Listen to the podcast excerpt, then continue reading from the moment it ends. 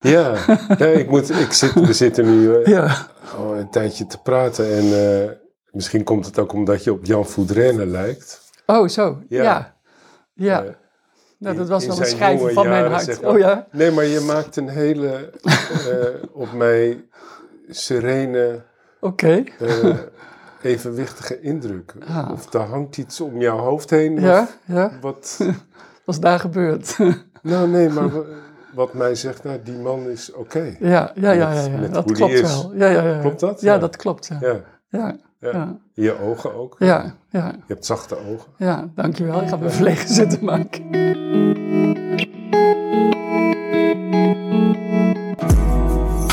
Welkom bij deze nieuwe aflevering van de Kantelcast. Jos de Vries Spaans kende ik niet. Hij is een vakbroeder, een verpleegkundige en we hadden vooral contact via zijn berichten op social media. De key moments in het leven van Jos zijn talrijk. Het duizelde mij tijdens het bezoek in zijn spirituele woning. Ik ga er hier niets over vertellen, anders dan dat Jos veel heeft moeten overwinnen.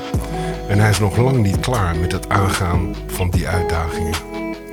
Evengoed, Jos is een boeddha. Ik trof een man in vrede met zijn omgeving, met zijn man en met de mensen met wie hij zich omringt. Ik zit hier vandaag bij eh, Jos de Vries Spaans. En hij heeft mij van tevoren een, eh, een biografie gestuurd. En ik ga er een aantal dingen uit voorlezen. Geboren 15 november 1957 te Tilburg in een traditioneel Rooms-Katholiek Brabants gezin. Oudste zoon, middelste kind uit een gezin met vijf kinderen, twee meiden en drie jongens. Opgegroeid in Haalderen, Nijmegen, Etteleur en Breda. Vader, kind uit een gezin met acht kinderen, opgegroeid in armoede, ex-kloosterling, trappist. Onderwijzer in Nijmegen, docent Pabo en school voor bezigheidstherapie Prinsenoord Breda. Moeder, enig kind, gescheiden ouders. Het huwelijk van mijn ouders werd gekenmerkt door depressie bij moeder. En vader kampte met forse emotieregulatieproblemen, onvoorspelbare woedeaanvallen. Veel onveiligheid en eenzaamheid in mijn jeugd gekend. Hun scheiding in 1986 en hun hertrouwen met elkaar in 1988. Vier kantelmomenten in mijn leven. En ik benoem daarvan de eerste zin die je mij geschreven hebt. Verkeersramp Prinsenbeek 1972. Mijn coming out als homo in 1980. Belmerramp 4 oktober 1992. En januari 2022. Totaal onverwachts. Diagnose ongeneeslijk ziek. Meest agressieve en progressieve pro- prostaatkanker in een vergevorderd stadium. Nou Jos, ja, dankjewel voor, voor het sturen van deze Ja, biografie. Eh, deze afleveringen duren meestal zo'n 30, 35 minuten. En ik zie vier kantenmomenten die jij beschrijft. Welke, welke zou je ik, in ja. die 35 minuten aan bod willen Ja, laten komen? Ja. Ik heb daar best wel, daar heb ik wel over na lopen denken. Ja, Eh, nou, je hebt al een hoop benoemd, zeg maar, door dit eh, voor te lezen. ja, Wat voor mij, als ik denk aan wat voor mij heel essentieel was, was wat er rond de, de eh, in het verborgene is gebeurd met, in mijn leven. Met de, met de Prinsenbeek verkeersramp. ja. Want die heb ik niet zelf meegemaakt, maar Nee. daar is een van mijn vriendjes bij omgekomen. Dat is verdriet wat ik niet kon delen toen, met niemand. Wat direct relatie had met eh, heel jong besef dat je homo bent. Ik was verliefd op die jongen. En ik zou met die jongen eh, meegaan met de vrachtauto, met zijn vader. Dat, had, dat kwam niet vragen. En ik, had, ik lag op bed omdat ik een hele ernstige ziekte doormaakte. Ik had een eh, forse testikelontsteking, zeg maar. Ehm, daarvoor had ik, eh, dat was gebeurd in Duitsland, notabene in een vakantie, daar in een ziekenhuis gelegen. Kruiskrankenhuis Braunlagen. En daar zijn mijn ouders van de camping gespoeld, waardoor ik een aantal weken alleen daar op die verpleegafdeling voor volwassen jonge mannen heb doorgebracht. Kijkend uit het raam eh, aan de Ossonne grenzen met eh, de ouderwetse ijzeren gordijn Dus Ja. in die situatie lag ik daar. Oh, wauw. En eh, werd ik Joest genoemd. En binnen een paar weken sprak ik toch wel redelijk Duits. En, Het klinkt redelijk desolaat. Zo'n ja, heel desolaat. ja. Ja. Alleen, Ja, heel alleen. uitkijkend op de Berlijnse muur. Ja. Ja. En eh, niks weten van seksualiteit. Hmm. Maar wel heimelijk verliefd op een jongen van het jongerenkoor in Etteleur. En was dat je eerste herenliefde? Mag ik dat zo zeggen? Ja, ik was veertien, dus er is nooit niks gebeurd. Nee. Maar we trokken met elkaar op. En een komisch incident was dat wij, eh, voordat wij op vakantie gingen naar Duitsland met het gezin, eh, wij gingen altijd naar de, de veemarkt, waar boeren kwamen om vee te verhandelen. En er lag iets op de grond. Dat wou ik oprapen. Hij zei, dat moet jij niet doen. En ik zei, wat is het dan? Kende jij dat niet? Dat is een kapotje. En ik zei, oh, dat ga ik u uitleggen. Na de vakantie. En op een of andere manier drong wel tot me door van... oké, dat gaat over iets wat met seks te maken heeft. Ja. Dus bonk, bonk, bonk in mijn eh, hartje. En na de vakantie eh, kwam hij bij mij op bezoek. Lag ik thuis op bed. En zei, eh, morgen ga ik met mijn vader...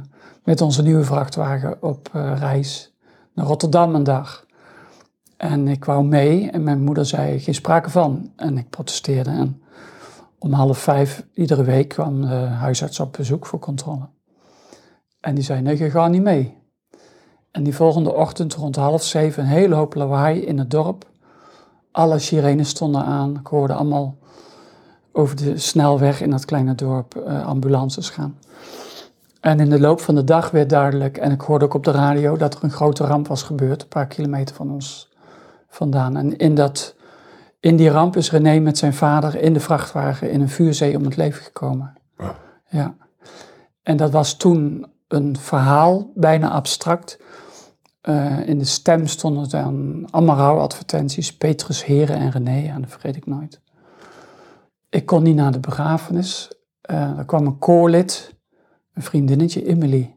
Die kwam me dat vertellen ook. En eh, dat was het. En rond mijn 29e, rond mijn scheiding van mijn ouders, kwam die hele put open. Toen Hm. brak ik. En eh, toen ben ik in eh, psychotherapie gegaan. Eerst 25 weken en dan kwam ik uit. En toen zei die therapeut, en dat was dan 25 weken, wat ga je doen? En toen zei ik, ik ga de B-verpleging in. en hij had me aangemeld bij Zandpoort. Ja. Maar goed, maak ik een hele grote sprong. ja, want die psychotherapie, Dat is later gebeurd. daar, daar, daar begon je aan in verband met het trauma van het verlies van deze Alles bij elkaar. liefde. Ja, Ja, alles bij elkaar. De Ja. scheiding van mijn ouders, eh, de verwevenheid, mijn positie als middelste kind, hoe ik me verhield tot mijn ouders, wat ik mezelf had opgelegd. Ik ga dit huwelijk van mijn ouders redden. Ja, Als ik mijn best doe, dan eh, komt het wel goed Komt tussen mijn moeder en mijn vader. Hm. Ja, en mijn vader, nou ja, dat is een heel verhaal apart. Die eh, ook pas rond zijn dertigste uit het trappistenklooster kwam en toen nog een heel leven had in te halen. Dus spoedopleiding voor onderwijzer. En in dat moorden tempo pedagogiek gaan studeren hier in Nijmegen naar avonturen. maar daar heeft hij ook iets van twaalf jaar over gedaan. En eh, daar ging, ja, aan de ene kant wilde hij dat heel graag voor, voor zijn gezin ook, dat zei hij altijd. En aan de andere kant was het ook, eh, ging het ook heel erg ten koste van het gezin ja. en van hemzelf. ja. Want hij, had, hij was daardoor heel vaak erg snel overprikkeld. En hij stond ook vier dagen in de week voor de klas. Hm. Dus ja, als je dat indenkt, wat die man allemaal op zijn bord had. Dan, Ja. eh, maar goed. Ja, en het feit dat je ontdekte dat je op mannen viel. Ja, dat, dat kon helemaal niet. Nee, ik wou net Kwam zeggen. je in de hel. In die tijd, eh, ja. Nee, ik kwam je in de hel. En je ouders. Ja, ik heb dat pas later verteld. Ik Ja. was, eh, ja, er zit nog iets tussendoor, dat heb ik daar niet in gezet in het verhaal. Ik was een jaar of 15 jaar, René was dan gestorven. Ehm eh, even denken hoor. Ja, thuis was het heel onveilig. Ik, eh, in onze kerk kwam op een gegeven moment een jongerenkoor zingen. En het was een groep die noemde zich Nieuwe Generatie. En die spraken over dat God liefde was en dat er grote rampen in je leven kan gebeuren, maar dat, dat er echt een bron van liefde was die je kon helpen. En eh, nou, dat, dat was 1 en 1, 2 in mij. Hm. En ik had als kind ooit tegen mijn moeder gezegd op mijn achtjarige leeftijd, huilend, dat ik me niet, eh, niet geliefd voelde. Dan zei ik, niemand houdt hier van mij. Dat vergeet ik nooit. En dat mijn moeder zei, uh, nou, het gaat wel. En me over mijn bol aaide en zo. En toen, dat ik toen zomaar zei, out of the blue, ik word later priester. Zo je denkt, wat is dat voor relatie tussen die emoties? Ja. En uh, toen zei ze, nou jongen, dat zullen we later wel zien. maar dat was toch iets wat heel erg in mijn uh, ja, blijven zitten. Ja. Ja. ja, maar ze ging er niet verder op in. Nee, nee, nee, nee. nee.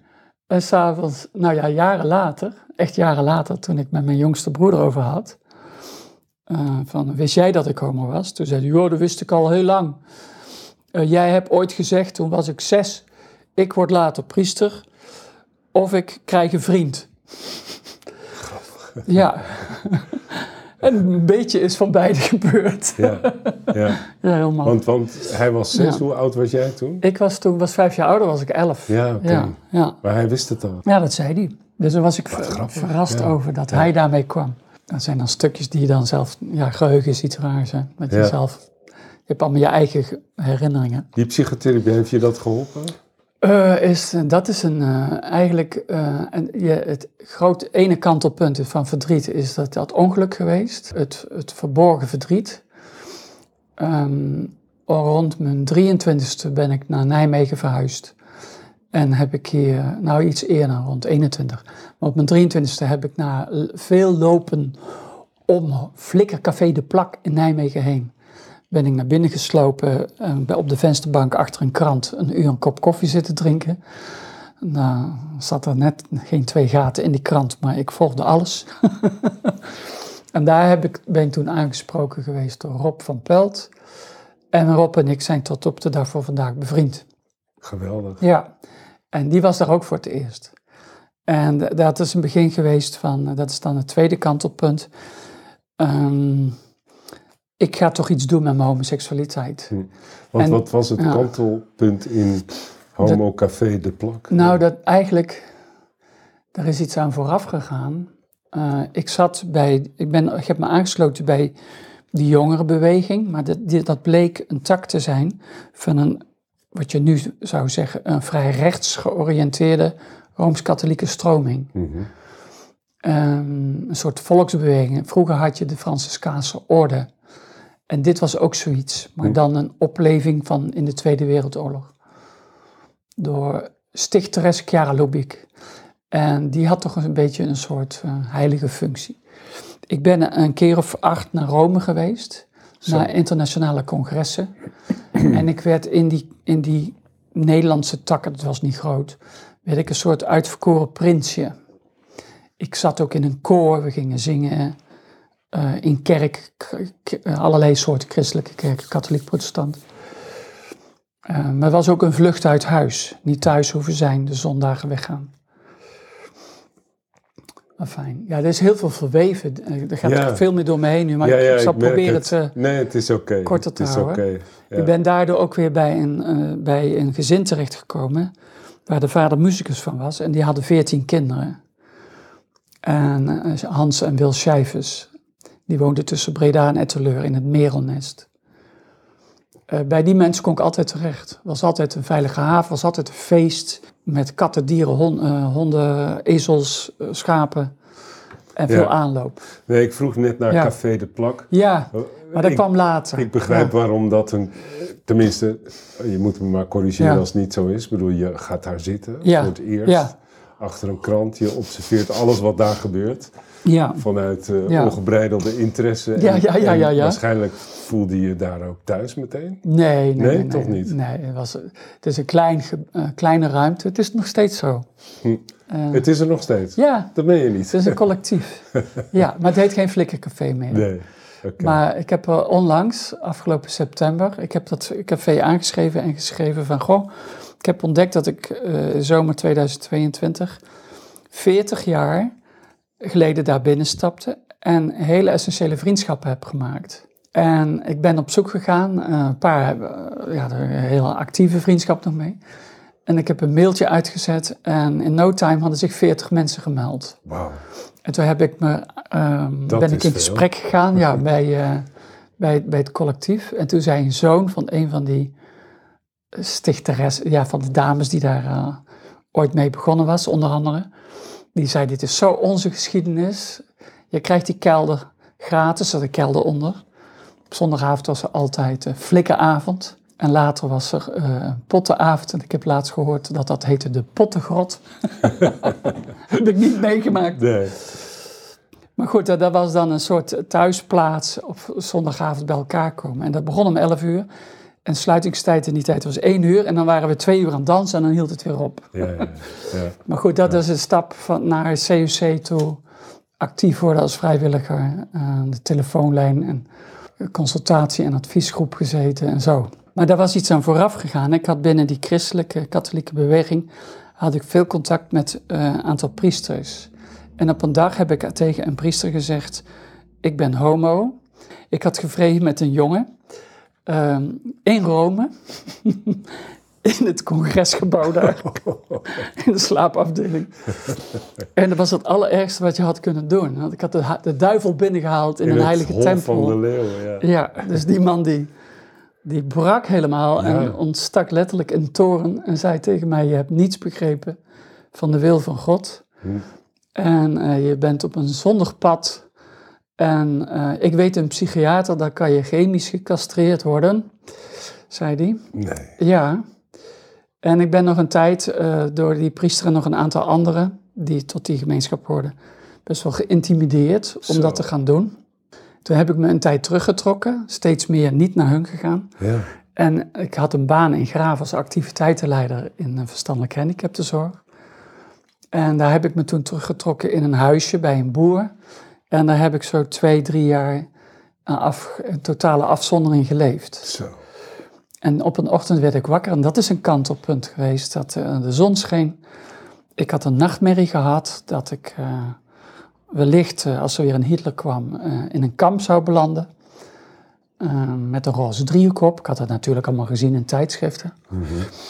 En ik dacht die ochtend, al zou er een Hitler komen, als ik nu niet kies voor mezelf, in het, en in een tijd hè, waarin helemaal, het was helemaal niet zo dat je kon zeggen, Nee. ik ben homo. 1990 Ja. is dat bij de wet geschrapt. Tot die tijd waren we geestesziek. En, ehm, dus ik heb toen eh, besloten van, eh, ik ga voor mezelf staan. Kom ik ooit in een kamp, komt er weer zo gek, dan ga ik met opgeheven hoofd recht op, ga ik dat kamp in. Maar ik ga op zoek naar de liefde. Ja. Is dat nog zo kort, Jos? Even die 1990, dat, dat triggert mij. In 1990 is, eh, tot die tijd leerden wij in de psychiatrie over de ziekte der perversiteit. En daar stond homofilie bovenaan. En toen Ja. begon ik in Amsterdam te werken. Ja, ja. ik heb het nog moeten leren in Zandpoort ziekenhuis. Ik had helemaal niet het idee dat... Nee, ja, Nee. was zo. Ongelooflijk. Ja, Ja. ja. We denken allemaal dat dat, dat, dat allemaal zo... ja, Dat is allemaal niet zo snel nee, gegaan. dat is nog heel recent In eigenlijk. 2000 is het homohuwelijk gekomen. Daar Ja. zit maar tien jaar tussen. Ja, precies. Ja. Maar de bewustwording, hè, kijk, van acht en al dat soort... Maar dat is voor mij, een, die ochtend heb ik besloten, eh, ik ga eruit. Ja. En dat heb ik in stapjes gedaan. ja, geweldig. Ik, Ja. Je zei net, ik koos voor de liefde. Ja, Ja. ja. En ben je die ook heel actief gegaan? Die ben ik toen Zoeken? tegengekomen, ja. Want ik ben toen in het COC gegaan en toen, ja, dan gaat het heel snel. Ik ben Ja. in een soort, ik werkte, maar ik ging eten in de Mensa. Dus ik ging me begeven in het studentencircuit. Ja, toen leerde ik Renéetje kennen, Annelies. Eh, toen ben ik naar de studentenkerk gegaan, werd daar lid van het koor. Leerde ik Gerard kennen, eh, Kees Scheffers. En dat waren twee pastors. Eén was dominee, de ander was een homoseksuele, openlijk homoseksuele eh, geestelijk verzorger, katholieke stroming. En er hing op een dag een, een, eh, pamflet in de studentenkerk. Homofilie en eh, geloof, gaat dat samen? En ik dacht, daar, daar moet ik bij zijn. Dus ik ging in die gespreksgroep. En in die gespreksgroep leerde ik mijn eerste vriendje kennen. Ik kan niet zijn naam zeggen. Want we hebben anderhalf jaar relatie gehad. Maar hij heeft op een dag besloten ehm, om met een vrouw verder te gaan. Hm. Dus hij is getrouwd en hij, eh, volgens mij heeft hij kinderen gekregen. Ja. Ja. Ik heb er zeven jaar over gedaan om dat te verwerken. Ja? Ja, Waar, hoe, waarom zo lang? zo gek was ik op hem. Ja, ja, ja. Ja, Ja. ja, Wauw. ja. Zeven jaar. ja. Dus toen ik in Amsterdam kan wonen, ja, ik had al af en toe een Maar scharrel. betekent dat dat je in die zeven jaar eh, geen oog had voor andere mannen? Ja, natuurlijk wel. Ja, Jawel. ja. Maar heel onzeker. Nee, ik stel me dan zo voor dat Nee, je ergens nee, eh, nee, driehoog ik ging- achter weg nee, zit te nee, nee, kwijnen nee, nee, ik van was in Nijmegen. liefdesverdriet. ja. Nee, zo was ik ook niet. Oké, gelukkig. Nee, ik sprong van het ene Nee, grasveld maar tot ik kan me voorstellen, tuurlijk.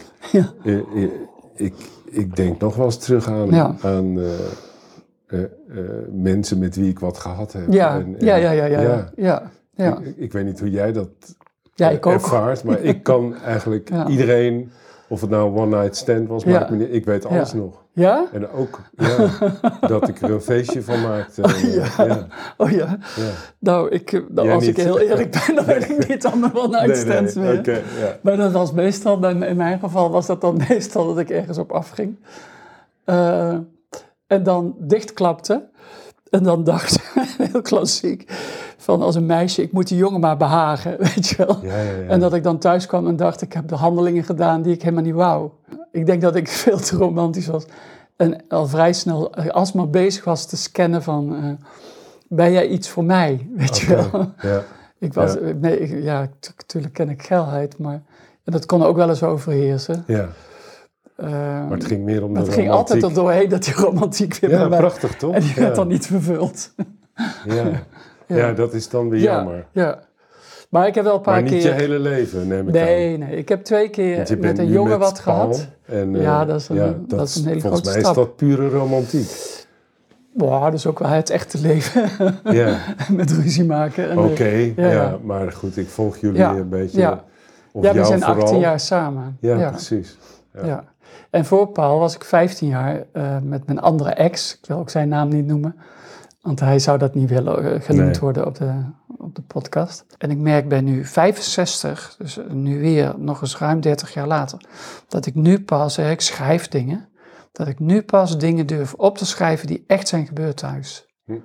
Dus hoeveel schaamte daarin zit, hoeveel. Ja. En die psycholoog zei ook altijd tegen mij: Pas op, je werkt in de psychiatrie. Ik zou jou zo als collega willen, maar zeg niks in de psychiatrie.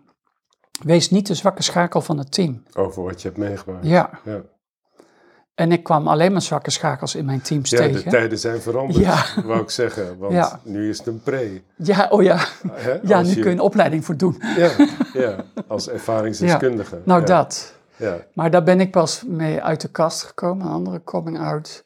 Toen ik in Almere werkte, in het vakteam, ehm, op de Merengaard. En op een dag eh, de patiëntenvereniging kwam en zei: Wij gaan een training geven aan personeel. En in die training werd gevraagd aan ons: Vertel eens wat over je jeugd. En bijna niemand van mijn team deed dat. Maar jij wel. Ik wel. Ja. Ik kwam ermee, ja. ja, niet mijn hele verhaal, maar wel dat ik dus zeer getraumatiseerd was. Dat ik eigenlijk me herkende in verhalen van kopkinderen, kinderen Ja. van psychiatrische ouders. Ja. Ja, Hey, en, ja, Want, ehm, kijk, deze podcast gaat over jou, maar dit triggert mij ook wat je zegt. Want ik heb ook het nodige meegemaakt. Maar op een moment dacht ik, kloppen die herinneringen nou eigenlijk wel die ik heb? Ja. En toen, toen ben ik mijn vader gaan schrijven. ja, En, en na drie brieven zei hij, eh, stop er maar mee. Ik zei, "Eh, waarom? Ja. Hij zei, nou, het is allemaal waar. oh wauw, Dus ik, ik Ja. had geen, ja, geen gedeelte verzonnen. wauw. Hè, Oh, het was toch echt allemaal gebeurd. Had je, Nee, bij mij is het anders Twijfelde gegaan. jij aan je herinnering of heb je daar ik nooit heb aan getwijfeld? nooit aan getwijfeld, maar ik ben mijn leven lang bezig geweest met de erkenning. Hm. En toen mijn vader overleed, mijn ouders zijn op een gegeven moment dement geworden. En dat, dat is ook een proces geweest van zeven jaar. En op een gegeven moment eh, was ik in een, eh, in een verpleeghuis in Oudenbosch, daar zijn zij ook overleden. Ehm, in gesprek met een verpleeghuisarts en zij zei, ik vind uw vader heel vreemd. Eh, ik heb dit nog nooit gezien. Heeft uw vader autisme? En mijn eerste reactie was, nee, geen autisme. Die man was zo, Hm. opvliegerig. Ik zeg, ik denk veel eerder frontale dementie. Ik zeg, eh, als dat nu nog meer is, dan zit het in de voorkwap, riep ik. En ik had toen ook met ouderen gewerkt. Dus. En ehm, mijn oudste zus was ervan overtuigd dat hij autisme had. Zij heeft een zoon met autisme. En zij meende overal eh, autisme te zien, dus ik had het ook. En Hm. mijn broers hadden het ook. Nou, ergens klopt dat. Mijn, mijn jongste broer is daarop onderzocht. Mhm. En op latere leeftijd is dat ook vastgesteld dat hij een milde vorm van heeft, van Asperger. Ja. En, eh, maar dat, dat ook nog heeft gemaakt dat ik wel eh, heel lang getwijfeld heb. Hoe zit mijn brein in elkaar, ja, weet je wel? Ja. Dus je alsmaar zelf blijft zelf diagnosticeren. ja. En uh, nou ja, ik zeg Was het altijd... belangrijk voor je? Om het... Nou, waar ik last van heb is divergerend denken en beelddenken. Maar ik heb er geen last van mijn omgeving. Ja, ja, ja, ja precies. Ja. En dat, kan, dat is een kenmerk, dat kan. Ja, Weet je zo. ja. Maar Dus- was het belangrijk voor je om te weten dat het een naam heeft, zoals Nee. autisme? Nee, voor mij nooit, Nee. persoonlijk. Nee, Nee. nee. Nee, en voor de rest doe ik, voldoe ik volstrekt niet aan de, Nee. de kenmerk, want ik ben veel te empathisch en veel te... Ja, ja ik moet, ik zit, we zitten nu eh, Ja, al een tijdje te praten en eh, misschien komt het ook omdat je op Jan Voudrenne lijkt. oh zo, Ja. ja. Ja, nou, dat was wel een schrijven van mijn hart. zeg maar. Oh ja? Nee, maar je maakt een hele eh, op mij serene, Oké.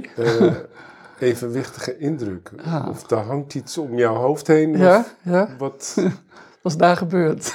nou nee, maar wa- wat mij zegt, nou die man is oké. ja, ja, ja, ja, Met- ja. met dat klopt is. wel. Ja, ja, ja. Klopt dat? Ja, Ja. dat klopt. Ja, Ja, ja. Je ogen ook. ja, ja. Je hebt zachte ogen. ja dankjewel. Ik ga me verlegen zitten maken. Nou, nou ja, maar goed, ik, ik vertel gewoon wat ik voel en zie. Het zweet breekt uit.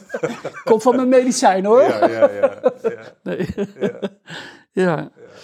Ja. Maar is het, ehm, klopt het ook dat je, eh, ik had het ongeveer na mijn 55 Ja. dat ik misschien wel 's ochtends wakker werd Ja. en dacht, wow, ik- dit is wel wie ik ben, Ja. en wie ik wil zijn. Heb, je dat, zie ik dat nu voor mij Nee, dat klopt. Dat klopt. Nee, dat klopt. Ja. Ik, ben- ik, heb, weet niet of je het gezien hebt, ben je zo snel binnenkomen. Er zat een calligrafie op de deur en die heb ik ooit in een tijdschrift gezien. En dat is een cirkel, een Japanse cirkel zeg maar, met een zwarte inkt getekend. En daar staat ingeschreven met mooie sierlijke letters, I have arrived, Ja, I'm, a ho- I am home. I'm home, ja, ik zag het. En ja. voor mij, ik begreep meteen, toen ik later het artikel zag, dacht ik, maar ik begreep het meteen. Ik ben thuisgekomen bij mezelf. Mhm. ja, En dat is oké. ik zie het aan Ja, je. ja, dankjewel. Ja, mooi. Ja, Ja. ja. Nu ben je aangekomen bij dat andere Ja, kantelpunt, ja, ja. namelijk prostaatkanker. Prostaatkanker, out Ja. of the blue. Ja, Ja, even langs de dokter, nu een jaar geleden, een december. jaar geleden. Ja, Even controle, want ik moest zo vaak plassen s'nachts. En ik dacht, ja, het zal wel mijn prostaat zijn en het oude man, weet je wel zo. ja, Ik had net uren uitbreiding gekregen, helemaal blij, nieuwe plannen gemaakt voor het nieuwe jaar. Ehm, ja, ik moet niet idealiseren, maar het gevoel van ook bij dit team. Eindelijk een leuk, fris team. eh, Ja. ja, sprankelende ja ik, manager. ik zag ja. dat op social media staan. Ja. Ik dacht, nou ja, die zit goed. Ja, echt een leuk team. Ja, Eh waar ook heel veel nog, want ik bij mijn aanname heb ik gezegd toen ik toen in dienst kwam, ik wil een vaste aanstelling en ik wil hier in, in ieder geval tot mijn 67 zijn. En als ik nog energie heb, mijn man is jonger, dan blijf ik hier misschien wel tot mijn 70 part-time. Hm. En dat viel helemaal in duigen. En er is iets raars gebeurd. In oktober had ik een soort lucide droom, waarin ik eh, voelde dat iets over me heen kwam en over mijn hoofd streelde en heel zacht zei: Je hebt kanker, bereid je voor. En dat vond ik. En toen dacht ik: Oké, heb ik gezegd. En ben verder gaan slapen. Maar dat is in mijn onderbewuste ergens blijven zitten. Mhm. En toen eh, in december naar de huisarts. Die stuurde me door naar de, eh, het Canisius ziekenhuis voor een bloedtest op een woensdag. Vrijdagmiddag had ik eh, crisisdienst, voorwacht. Was tegen half vijf, we gingen evalueren. Want we moesten overdragen hè, naar de avond en weekend. En ehm, mijn eigen privételefoon ging af. En toen eh, kreeg ik mijn huisarts aan de lijn en die zei: eh, Ja, het spijt me zo dat ik u niet persoonlijk zie. En toen dacht ik, raar. vrijdag kwart voor vijf mij persoonlijk zien? Ja. Ja, want ik moet u iets zeggen. Ik ben zeer verontrust over de uitslag van uw bloed. Vindt u het goed dat we dit kort houden, dit moment? Want dan bel ik nu onmiddellijk het Canisius ziekenhuis voor onderzoeken. Oh, wow. En hij zei, is goed. En dat daalde in en ik ben toen hup naar het kantoor gelopen bij eh secretariaat. En ik weet niet wat er gebeurde, maar ik dacht, dit is helemaal fout. En ik ging in gesprek met de secretaresses en één begon haar verhaal te vertellen over haar gezondheid en wat ze ook allemaal had doorgemaakt. En, eh, maar het stelde me niet gerust. Ik ben toen toch maandag naar het werk gegaan. En in die ja, december, ik had een eh, stuk of zes eh, patiënten die voortdurend in en uit gingen in de kliniek, die suicidaal waren. Dus smiddags om drie uur was ik weer in gesprek met een mevrouw die me smeekte, die was in de tachtig, 40 jaar lijden van een bipolaire stoornis. En die smeekte mij of ik niet kon zorgen dat ze uit haar leven mocht. En ik had erg met haar te doen en weer ging mijn telefoon. En eh, ik zei, nou moet ik even opnemen, dus ik ben naar buiten gelopen. Het was Canisius ziekenhuis, u zei, en die zeiden, u moet aanstaande donderdag onmiddellijk komen. Maar de kanten stonden vol, alle zorg is afgeschaald. Dus ik dacht, dit is echt fout. Ik ben er alleen heen gegaan en dat is gek van de geest. Je gaat het toch afzwakken om jezelf gerust te stellen. Nou, het zal wel meevallen. Ja. Dus ik zit daar gewoon, om het niet te lang te maken, eh, in een spreekkamer. Een arts doet wat hij moet doen. Die doet een intake met mij. Die hoort mij helemaal uit. Die onderzoekt mij lichamelijk nog een keer. Gaat zitten, kijkt me aan en zegt... eh, hij vroeg naar mijn broers, eh, ziektegeschiedenis, zussen, ouders, moeder. En hij draait een scherm naar me toe. Hij zegt, ik moet u wat zeggen. Wij meten ehm, eiwitten in het bloed. En dat zijn markers die zijn gekoppeld per milliliter microgram. Ehm, en of die duiden op eh, een ontsteking in uw lichaam, of er is sprake van een vorm van prostaatkanker. Hij zei, ehm normaliter is dat ergens tussen de 0,2, 1 en hij zegt, maar u heeft 136,8. Hm. Waarop ik eh, een soort luik voelde opengaan en dan dacht, dit kan niet waar zijn. En toen zei ik 1,368. Nee, zegt hij 136,8. Toen maakte hij het nog mooier. Toen zei hij, en onze de status die ik hierin moet vullen gaat niet verder dan 50. Toen Cool. dacht ik, nonnetje. Ja. Toen heeft hij eh, gezegd: ehm, Ik ga nu alles doen wat moet. Ik ben niet de baas van de agenda's, maar u moet heel veel onderzoeken door. Normaal gaat dat in een bepaalde volgorde volgens een protocol. Eh, hij zegt: Dat duurt toch alles bij elkaar acht weken. Ik ga u aanmelden voor alles. En u moet maar gewoon overal naartoe gaan zonder te denken: dit moet in volgorde. Dus toen ben ik eh, al die weken door de molen gegaan, iedere week een ander gezien eh, allerlei scans gelegen.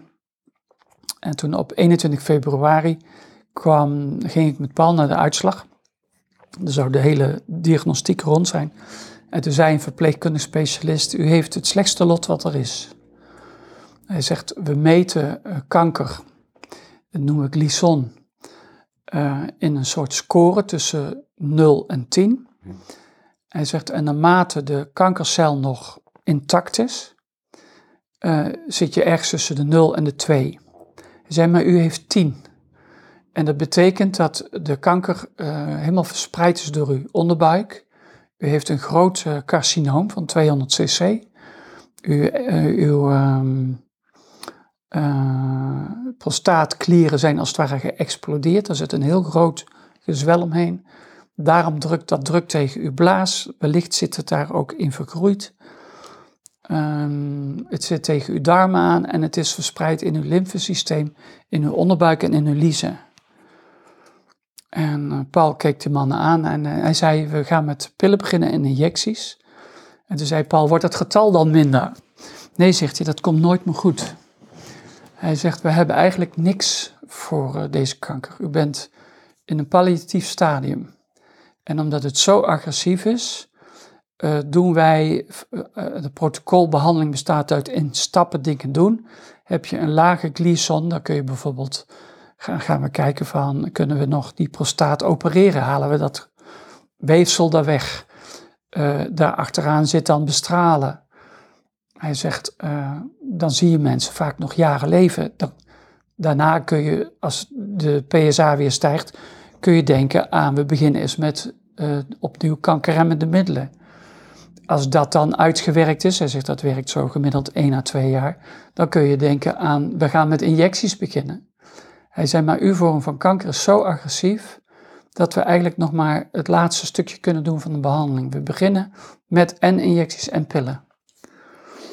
En uh, nou, dan kreeg ik folder mee. En dan zaten we, stonden we buiten. Dus dat was, uh, de wereld stortte in. Wat heftig. Ja. ja. ja. En daarna, en toen zei hij, ja, de zorg is uh, door corona ook erg afgeschaald. Ik mag niet meer werken zoals ik altijd deed.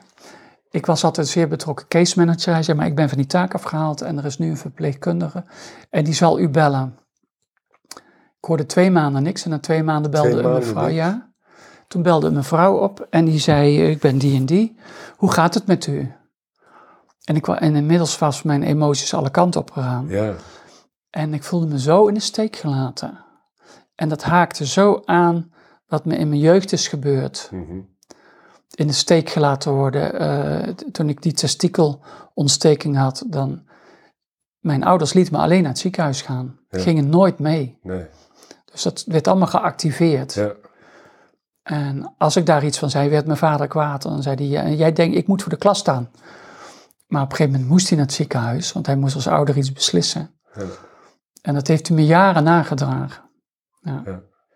Maar goed, dat, dat gevoel kwam weer terug. Dat kwam allemaal weer terug, twee allemaal getriggerd. niks hoorde. Ja, En, en toen en- sprak ik haar en toen zei ik, ik, ik, ik dacht ik moet het toch professioneel nog aanpakken. Ze zei mevrouw, u moet dit niet persoonlijk horen, maar ik ga u iets zeggen hoe het voelt. Ik zeg, ehm, u belt mij, ik weet helemaal niet wie u bent. Een eerste contact zou ik face-to-face willen hebben. Dat woord kennen ze niet eens. Mm. En toen eh, heb ik, werd ik gewoon heel directief. Ik zei, eh, het volgende gesprek wat ik met u heb, kom ik naar u toe. Ik Ja. woon hier twee kilometer vandaan. Ja. Ja, maar het is eh, in het kader van de coronabeleid en, en corona was al helemaal geluwd. En de efficiëntie. Ik zei, mevrouw, ik kom naar u toe. Ja. En dat, dat doe ik nog. Ik zie haar eens in de acht of tien weken. Ze rapporteert eh 30 minuten. Nou ja, je merkt hoe breedsprakig ik ben. Eh, Ja, ruimtekort. ja, dus ik ga nooit weg voor 45 minuten. ja, ja, ja. En zij boekt altijd telefonisch consult, dat zie ik. Hm. En de artsen, die zie ik eens in de drie maanden 10 minuten. Wauw, Ja, wauw. ja. Tien minuten. En dan wordt het protocol afgevinkt. Hoe is uw PSA? Oh, dat is goed. Oh, meneer De Vries, dat is geweldig. U bent al zeven maanden stabiel. Is dat niet geweldig? De PSA is spectaculair gezakt naar nul, naar nul, onmeetbaar. Dat is geweldig. Ja, Maar er zit ook een wetenschap dat na één, anderhalf jaar de medicijnen niet meer werken. En in mijn geval betekent het dat ik in die protocolaire stappen niks meer heb. ja, Alleen nog bestralen eventueel van het carcinoom en of chemotherapie. Hm. En nou, de, om, eh, ik ben toen uiteindelijk heb ik gezegd, nou, dan moeten we het maar gaan hebben over bestralen. Ben ik doorverwezen naar het Radboud ziekenhuis en heb ik daar een intake gehad, hebben ze opnieuw ingemeten. Eh tattoos gemaakt op je buik waar die stralen moeten komen ja. puntjes. En toen zei die goede arts, die radioloog, zei die, wat wil u gaan doen van de zomer? Zo. Hij zegt, nou, bestralen betekent dat ook een tijd verlies van energie en gezondheid. Dus als u nog plannen heeft deze zomer, ga dat eerst doen. Zei, ja, ga in oktober twee weken naar Amerika. Dat is een grote wens. Ga dat eerst doen. Wanneer komt u terug? Nou, 16 oktober. Oké, 18 oktober komt u terug. Doe een CT-scan. 30 oktober boek ik in. Tot 5 december gaat u bestraald worden, wekelijks. Ja, en, en daarom heb je ook een second opinion. Bij AVL aangevraagd, Ja. Antonie van Leeuwenhoek. En die eh, hebben, ze, hebben zich afgebeld, omdat die dokter ziek was geworden. Ja, ik had het het dossier op, eh, bestudeerd. Op social media. Ja. En toen dacht ik... Dus het wordt eh, januari. Ja. Ja, want ze zei, u kan wel overmorgen komen, maar dan doet het een ander. Is er een prognose? Is dat, doet waarschijnlijk geen enkele Ik heb dat arts. gelezen. Nee, dat wordt ook Nee. niet gezegd. Nee. Maar hij- ze zei wel tegen mij, u bent wel een heel uitzonderlijke patiënt. Want u toont uw emoties. U geeft er blijk van dat u heel veel weet Ja, van diagnostiek. ja, Ehm, ja, ik ben, eh, ik ben gebekt. ja, Maar niet in de spreekkamer. Daar ben ik toch vaak vrij dociel. ja. Daar gebeurt het me. Ik bereid me voor. Ik zet het in mijn, in mijn telefoon. En dan heb ik zo'n vijf, zes zinnetjes staan. En dan denk ik, die moeten wel besproken worden. ja. En als je daar zit, dan... Dan is het, Is het eh, meneer De? Vries, wij gaan eerst even. Ja. En dan zijn, zie je dat de tijd voorbij schiet. En dan heb je zelf ook nog twee minuten. Ja, en hoe komt dat? Ben je geïmponeerd door... Dat is maar ook mijn oude kwetsuur van vroeger. Ja, Ja, ja, altijd. Maar dat dacht ik gisteren nog. ja. Zei ik ook tegen Paul, hoe is Heel het goed voor anderen kunnen zorgen, maar Ja. niet voor jezelf. Ja, Ja, Ja. angst om te gaan staan eigenlijk, wie je precies, bent. Ja. Dat is het. ja, terwijl als ik jou zo hier zie zitten en Nee, praten, denk ik... tegenovergestelde. van, eh, Die kerel Nee. laat zich niet ondersneeuwen. Nee, dat doe ik ook niet. Als, het per se, eh, als ik een caseload heb van 150 mensen, Ja, dan zei eh, Willy, eh, Willy Spijkerman ook ooit. Nou, je bent wel een leeuw, zegt hij. Je gaat voor je klanten. ja, Ik haal het onderste uit de kan. Ja, ik schuwde geen conflict. nee. hey, en, en wat heb je gevonden op internet? Als het Ehm, over een prognose de gaat? prognose, als je leest, de mensen met, een, eh met eh Gleason 10, die zijn allemaal binnen twee jaar, eh dus 80% overleden. Hm. Ja, Ja, dus ik heb nu een jaar erop zitten. ja, Dus er zit een ene kant in me. eh, ik was echt aanvankelijk de hoop ook kwijt. Ik was een vrij fatalistisch gevoel. ja, En dan krijg je die medicijnen en dan lees je in de loop der maanden eh, wat de bijwerkingen allemaal zijn. Maar die was ik aan het ondergaan. mhm, Depressie, ja, ehm, heel veel pijn in mijn rug, Hm. eh, botontkalking, mijn heupen zijn aangedaan. Ik ben drie centimeter ingezakt. En het ehm, slinken van je geslachtsorganen. Dus daar, mijn testikels zijn, eh, oh ja, ik had er maar één, die andere was van kunststof. Maar ze zijn helemaal weg. Ehm, penis eh, is eh, terug naar de babytijd. Weet je, eh, je, je krijgt borstvorming, je wordt dik. Je krijgt vochtophoping. eh, je krijgt chronische moeheid, dus daar, er wordt bevo- aanbevolen iedere dag een uur wandelen, actief blijven. Dus het is een, een heel nieuw gevecht. Als het ware moet je jezelf uitvinden. ja. En Met tegelijkertijd, lichaam wat verandert. totaal. Ja, Je wordt heel emotioneel. Stemmingswisselingen. Ik had 24 maal 7 de eerste vijf maanden, dag en nacht, opvliegers en koude aanvallen. Hm. Totdat een artsassistent toevallig daar een keer was voor zijn stage en zei, maar heeft u dat ook? Maar daar hebben we een pilletje voor. Hm. Dat, dat heb ik nu en dat heb ik 80% minder klachten. ja, Dat maakte me ook boos. Ik heb het toen ook gezegd, vrij snel, van ik voel me een soort eh, casus. En dan lees je dat terug in een dossier. Meneer voelt zich een casus. En ik pak eens op wat ik nou eigenlijk zeg. ja. Ja, oh, als ik Maar dat ik kan het hoor, ik kan het ik al- systeem niet ik veranderen. alweer rillingen van. Ik kan het systeem niet Dat veranderen. brengt mij weer terug naar al Ja. die overdrachten die we gedaan Ja. hebben in de ziekenhuizen, waarbij Ja. we die standaard taal... eh, Alleen maar. En we hadden het niet over die mens. nee. Nee. wat was het verhaal van die man nou eigenlijk? Nooit. Ja, Dat lees je niet terug. ja. Sta je nog in de vechtstand? Of, of Hmm. heb je soms momenten dat Ja. je denkt, nou... Meer dan Als- een half jaar terug. Ja, ja, ja. Ja. De reis naar Amerika heeft me heel goed gedaan. Hmm. ja. Ik wou dat per se. En eh, eh, ja, een beetje naïef. De poldermensen denken dat alles vlak is. Maar in Seattle en in eh, San Francisco is alles klimmen. En ik wou, Paul was nooit in Amerika geweest. Ja. Ik wou dat hij dat zag. Dat hij dat zou beleven wat ik daar ooit een paar keer heb beleefd. ja. Dus ik heb over mijn grenzen heen. Zijn we dagelijks eh, op route geweest. Trammetje in, metro uit. ja. Overal naartoe. Heerlijk. En ja, maar niet overdag gerust. Nee, oké. Ja. dus toen ik terug in Nederland was, heb ik een maand op bed gelegen. Ja, Ja. ja. was helemaal kapot. Maar het, het was ook het gelukkig. waard. Ja, ja, ja, ja. Ja, ja, Ja. ja. Ja. ja. Ja, prachtig. Ja, het is raar, je hoort het vaker van mensen, dat een groot ingrijpende drama ook veel doet in het besef met je relatie. Ja. Voor Ja. mijn gevoel eh, zijn we dichter bij elkaar dan ja, ooit. dat kan ik me Ja. goed voorstellen, ja. Ja, ja. Want, ik bedoel, je staat weer in de vechtstand, prachtig. Ja. Meer energie om er ja, alles uit te halen wat Nou erin ja, zit. ja, ja, dat probeer ik. Ja. Toch? Maar ik rust wel overdag. Ja, nee, oké. Zo, ja. Maar zijn er ook momenten geweest dat je berustte in het feit van ja, het zou binnen Ja. twee jaar afgelopen Ja, kunnen zijn? nou, nou, ik heb wel En heb je momenten daar dan dat ik... vrede mee? Of, of Ik merk dat eh, gisteren ging een woord door me heen, onaffe dingen. Nou heb ik laatst een boek gekocht dat zo heette. En ik zag het ook bij Jan Rot, die dan toch ook nog een week voor zijn dood eh, begon over... ik moet dit archiveren, ik moet dat archiveren. ja, ja, ja. En dat, dat heb ik ook. Ja, En Paul is heel anders dan ik. Die is in een soort verdoving terechtgekomen. Bijna een soort van apathie. ja. Ook een ontkenning. Hij is nu de honden gaan uitlaten. Ik dacht nog, hij, hij wil hier niet bij zijn. Klopt dat? Ja, Ja, ook dat. Dat meende ik ja, te zien. ja, ook dat. Ja. Ja, Ja. en hij hoort natuurlijk vaak mijn verhaal aan precies. anderen. Ja, Dus je krijgt ook... Hij zit in een heel ander spoor dan ik. ja. En dat probeer ik. heb een aantal Nee, maanden terug... Het, hoor. Het ja, ook heel lastig. ja, is ook heel lastig. Het idee dat Ja. hij alleen overblijft. Ja, dat. In een jou. stad die we wel gekozen hebben samen. Maar ik heb hier roots.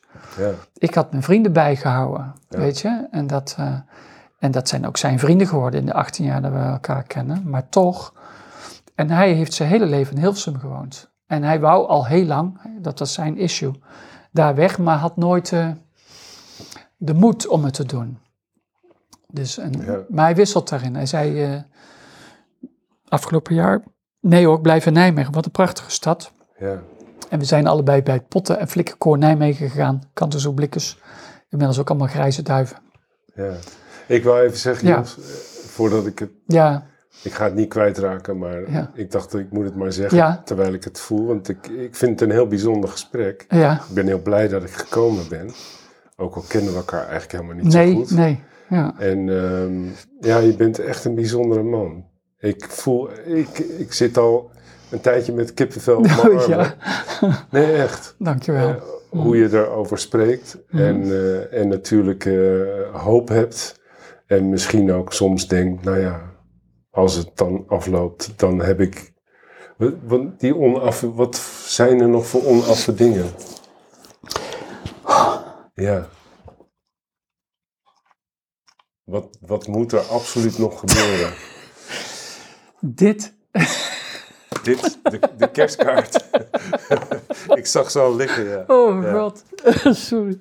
Nee, het is oké. Ja, Wat, wat, wat, wat eh, triggert Nou, je nu in mijn... eh, eh, de erkenning die je aan me geeft. Oké, ja. Dat je me ziet. Ja, ja, ik zie je. Nou ja, ik zag je al op social media. Eh, toen heb ik Dat ook al hoor eens... ik een- vaak aan van mensen, maar ik heb dan je denk toen ik ook als berichten gestuurd die Ja. veel verder gaan dan wat ik normaal gesproken Ja, tegen iemand zou Ja, zeggen. ja, Eh, en, en ik zit hier en eh, ik voel het ook weer. maar ik heb het nooit zelf zo... Oh, sorry. Ehm, ik heb het best vaak in mijn leven gehoord. Ja, ja, ja. Maar het ontvangen, het laten Dat is een landen... ander verhaal. Dat is zo moeilijk ehm, als je zo'n beschadigd kind in je meedraagt. Ja, ja, ja. ja. Ik herken het. Ja, dat weet Daarom ik. doe ik het ook. Ja, Ik heb besloten om het tegen iedereen te zeggen bij wie ik dat voel.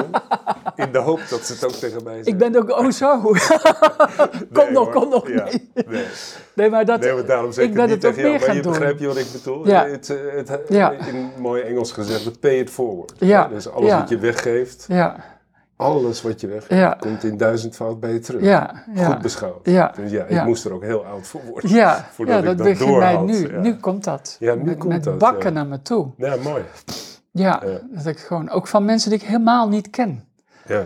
Weet je, ik heb altijd, ook een beetje uit commercieel oogpunt, eh, mijn Facebook heel open gehouden, laagdrempelig. Ik dacht, als je me niet schaadt, hè, net als in Zuid-Amerika, je bent mijn vriend zolang je me niks aandoet. Ja. En die houding had ik altijd. En daardoor ontplofte mijn, eh, eh, mijn Facebook in de zin van dat er stond, u kent 3900 mensen. En ik denk, nou, die ken ik helemaal niet. Ja. Maar nou zag ik laatst dat ik iets van eh 80 volgers heb die actief mijn, mijn schrijfselen volgen. Geweldig. En toen dacht ik, oh, oké. En ik kreeg laatst een kaart van een echtpaar uit Etteleur. Ik heb die mensen nooit ontmoet. Hoe komen ze aan mijn adres? I don't know, maar ik heb er gewoond, dus die kennen dan wel weer anderen.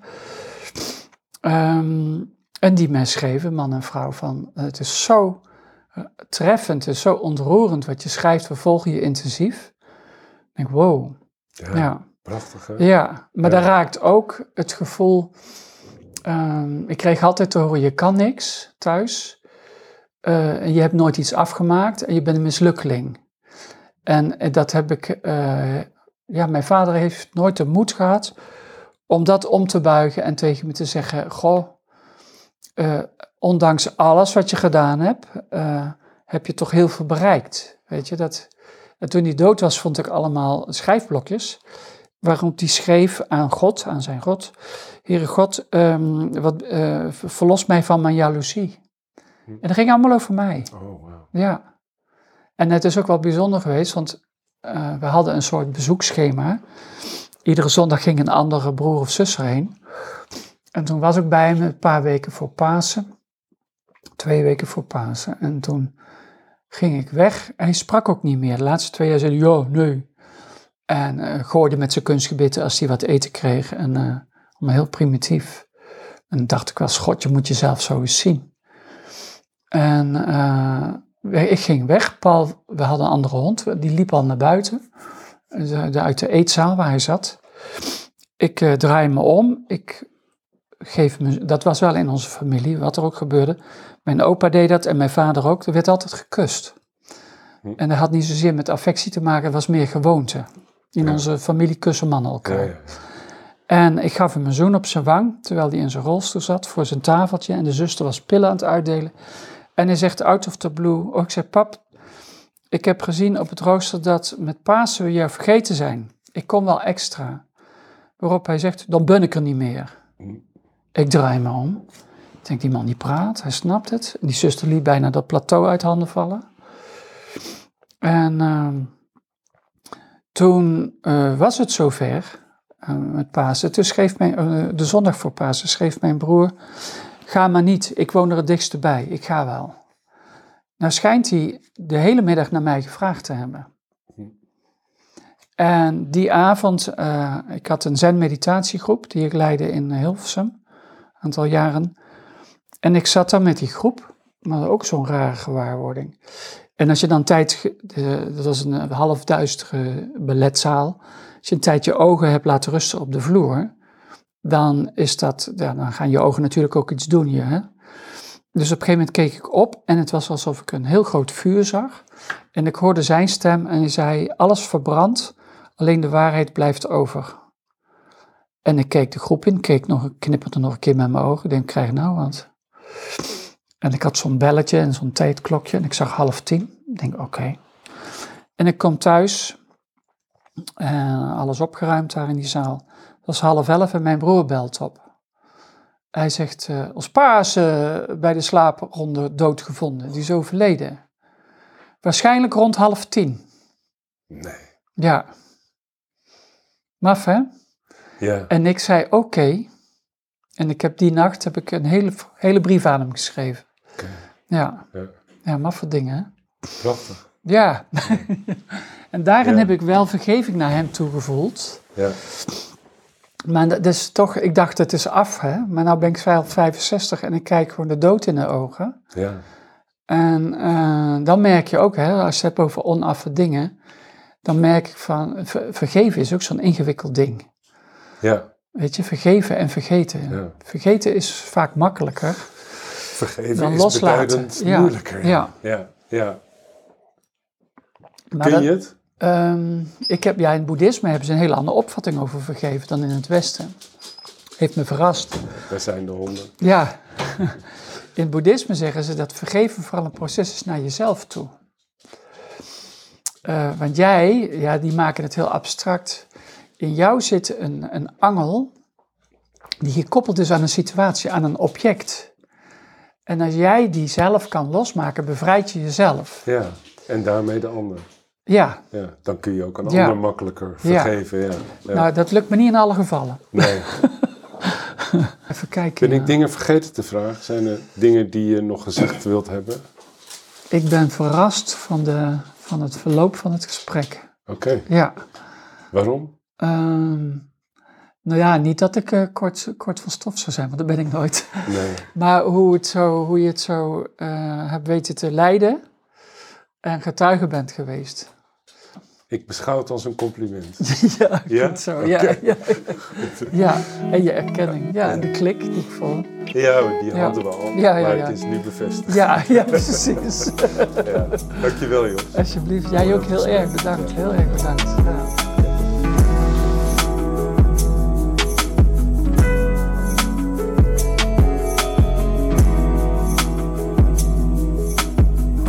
Dank je voor het beluisteren van deze aflevering. Als je er iets van vindt, stuur mij dan een bericht en ik zorg dat het bij Jos terechtkomt. Ik moedig dat van harte aan. We are heading for Christmas. En dat zijn hoopvolle dagen in onze levens. Ik hoop dan ook dat je deze aflevering wilt delen met jouw netwerk, jouw vrienden, jouw vriendinnen, jouw familie. Sharing is caring. De Kantelcast kun je beluisteren op Spotify, Springcast en Apple Podcast. Jos en Rokers kun je vinden op Facebook, op LinkedIn en Instagram. Mocht het zo zijn dat we je niet meer spreken voor komend weekende, dan wensen we je fijne feestdagen en een mooi uiteinde van het jaar. Nogmaals dank en tot de volgende episode van de Kantelcast.